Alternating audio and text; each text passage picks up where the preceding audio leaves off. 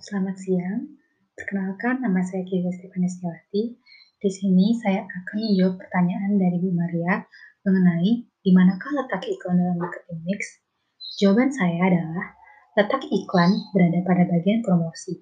Seperti yang sudah dijelaskan oleh Bu Maria sebelumnya, bahwa iklan itu adalah bagian dari bauran promosi, di mana bauran promosi itu adalah bagian dari marketing mix.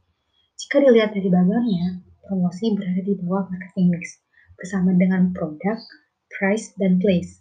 Pada bagian promosi itulah terdapat sebuah iklan atau advertisement.